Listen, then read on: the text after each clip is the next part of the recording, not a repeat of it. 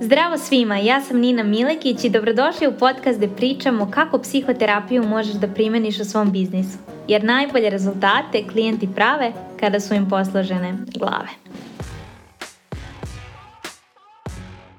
Zdravo svima i dobrodošli u novu epizodu podcasta. U današnjoj drugoj epizodi pričamo o granicama koje se odnose na usmenu komunikaciju sa klijentom. Što znači da to su granice koje se odnose na Zoom pozive, na Zoom grupne pozive ili na besplatne konsultacije ako ste na samom početku.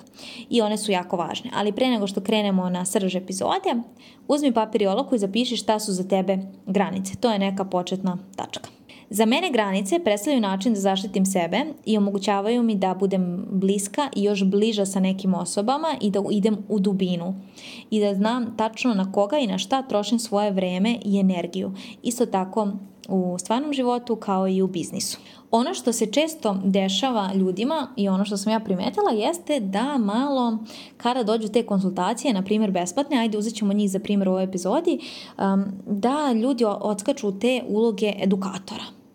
Znači ja ću sad tebe da edukujem i da ti objasnim šta da radiš i da te ubeđujem, da se raspričam ja tu i tu će proći ne znam ti 20 minuta i bit će umjesto 20 bit će 40 ili sat vremena jer ko pa sad si došla, ajde da ti ja zgrabim, daj da ti ja pokažem koliko znam i slično.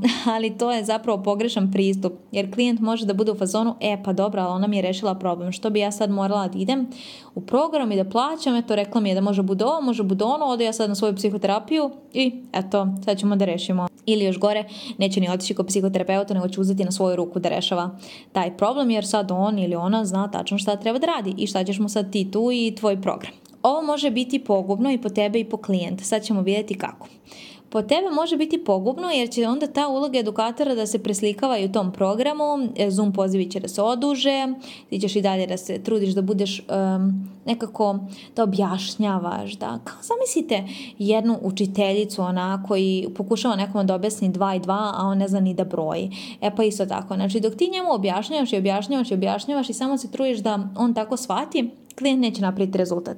Jedan deo posla i do njega i on mora da sedne, da zasuče rukave i da mrne zadnjicu i da uradi nešto. Znači ne možeš samo da ga edukuješ. Moraš i malo da budeš čvršća ili ako biraš da ne budeš čvršća i da nemaš taj pristup, da ga pustiš onda da on sam radi pa eto kad dođe na Zoom poziv ti kaže šta je on to tamo iskovo i šta je shvatio i šta je uradio. Druga stvar kako to može bude pogubno po tebe jeste što trošiš svoje vreme, trošiš svoju energiju i samim tim biznis počinje u nekom trenutku da te smara. Jednostavno počinje da te smara jer 20 minuta i sat vremena vremena ili 20 minuta 40 minuta, velika je razlika i osjećat ćeš se umorno i oni će onda onako da grizu kao bebe kada dobiju da sisuju kao emocionalni vampiri ili tako nešto. Onako, aj sad, znači dala si mi malo, sad ću da te zagrizem i da isisam sve što možda mi daš jer vidiš ti tako daješ besplatno, mislim daješ ovaj, na konsultacije što bi ja upisao tvoj program. Ono što možda uradiš umjesto toga i što ti može pomoći jeste da mu ne daš sve ili da je ne daš sve u tom trenutku, nego da budeš sažeta i kažeš ok, nakon što si mi ispričala to i to, vidim da problem može bude tu i tu, ali kad upišeš program, to je jedan od modula ili to je nešto što ćemo obrađivati i ja ću te voditi kroz to posle na Zoom konsultacijama. Kako se to tebi sviđa, da to tebi odgovara i slično. Jer klijent je ovdje u još goroj situaciji. Pazi, rekla sam da ovo može bude pogubno po tebe, a i sad vidimo kako može bude pogubno po klijenta. On, rekli smo, misli da si ti njemu rešila problem. Znači, sad ja ne znam šta treba da radim, šta će mi ona i tako dalje. A zapravo ti nisi mu rešila problem. Jer redko kad ljudi imaju taj nivo svesti i rade toliko na svojoj glavi da znaju šta je zapravo problem. Kao što smo pričali u prošloj epizodi, zbog čega tražimo taj cilj za cilja, zbog čega pitamo klijenta, e, zbog čega gledamo šta zapravo prodajemo u programu, znači uvek se setimo onoga, znači osoba kada ide da smrša, ti njoj menjaš ceo život, ne prodaješ joj samo to da će smršati ili e, sad mi je u glavi Ivana Branković, vokalni trener. Znači neko te nauči bre kako da razgovaraš, kako da budeš elokventna, kako da koristiš svoj glas. Pa to ti pomaže u svemu i u biznisu i e, ne znam ako imaš svoj posao ili ako ideš na posao ili ako imaš neke sastanke, pa znači kako ti to problema rešava. Tako da redko kad će ljudi doći i reći šta je zapravo problem. Baš, baš redko, to je ako su osvešćeni.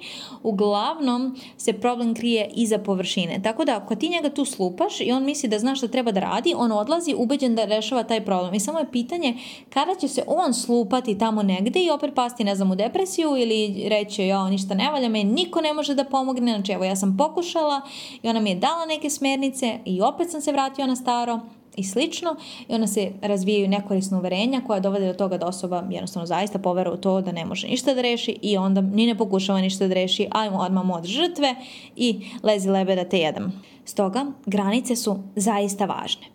Ako klijent prelazi tvoje granice i ako vidiš da ideš u tu e, širinu, a ne u dubinu, da rasplinješ svoje vreme, energiju, da ne možeš da održiš konsultacije 20 minuta, nego ti su uvek odužena 45, zapitaj se zbog čega.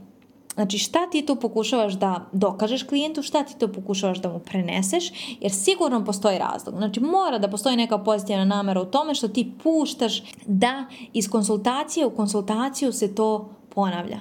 Svi ljudi na ovom svetu imaju neku pozitivnu nameru za sebe, kada nešto rade, čak i ako to nama izgleda kao bez veze. Ja, pa da, smara me to što moram 40 minuta, što me svi gaze, što držim konsultacije sat vremena ili što na Zoom pozivu ne umem da prekinem klijenta, da idem na drugog klijenta, ali čekaj, znači smarate, ali ne uradiš ništa po tom pitanju. Pa da li te zaista smara ili imaš neku pozitivnu nameru. Onda kad dođeš do te pozitivne namere možda se zapitaš a na koji drugi način ja to mogu da uradim ili da dođem do toga, a da pritom ne gazim sebe, svoje zdravlje, svoje vreme, a i klijentovo vreme i da mu pružim zaista ono što želim i ono za što sam tu, da mu pomognem da dođe do tog rezultata i da iskoristim moju neodoljivu ponudu na najbolji mogući način. Za kraj, ono glavno pitanje za tebe jeste da li ti uopšte imaš problem sa granicama ili se i kod tebe krije nešto ispod toga. Uzmi vremena i razmisli o ovome. Znači imaš priliku da je postaviš, ne postaviš je, da li je samo granica u pitanju ili ima još nešto što se krčka ispod površine. Jer isto tako kako klijenti kažu da imaju probleme, isto tako i ljudi u biznisu dođu i kažu moj problem X, a zapravo problem bude Z. Više u tome o nekoj naravnoj epizodi. Čujemo se sljedećeg utorka. Budite mi dobro. Pozdrav!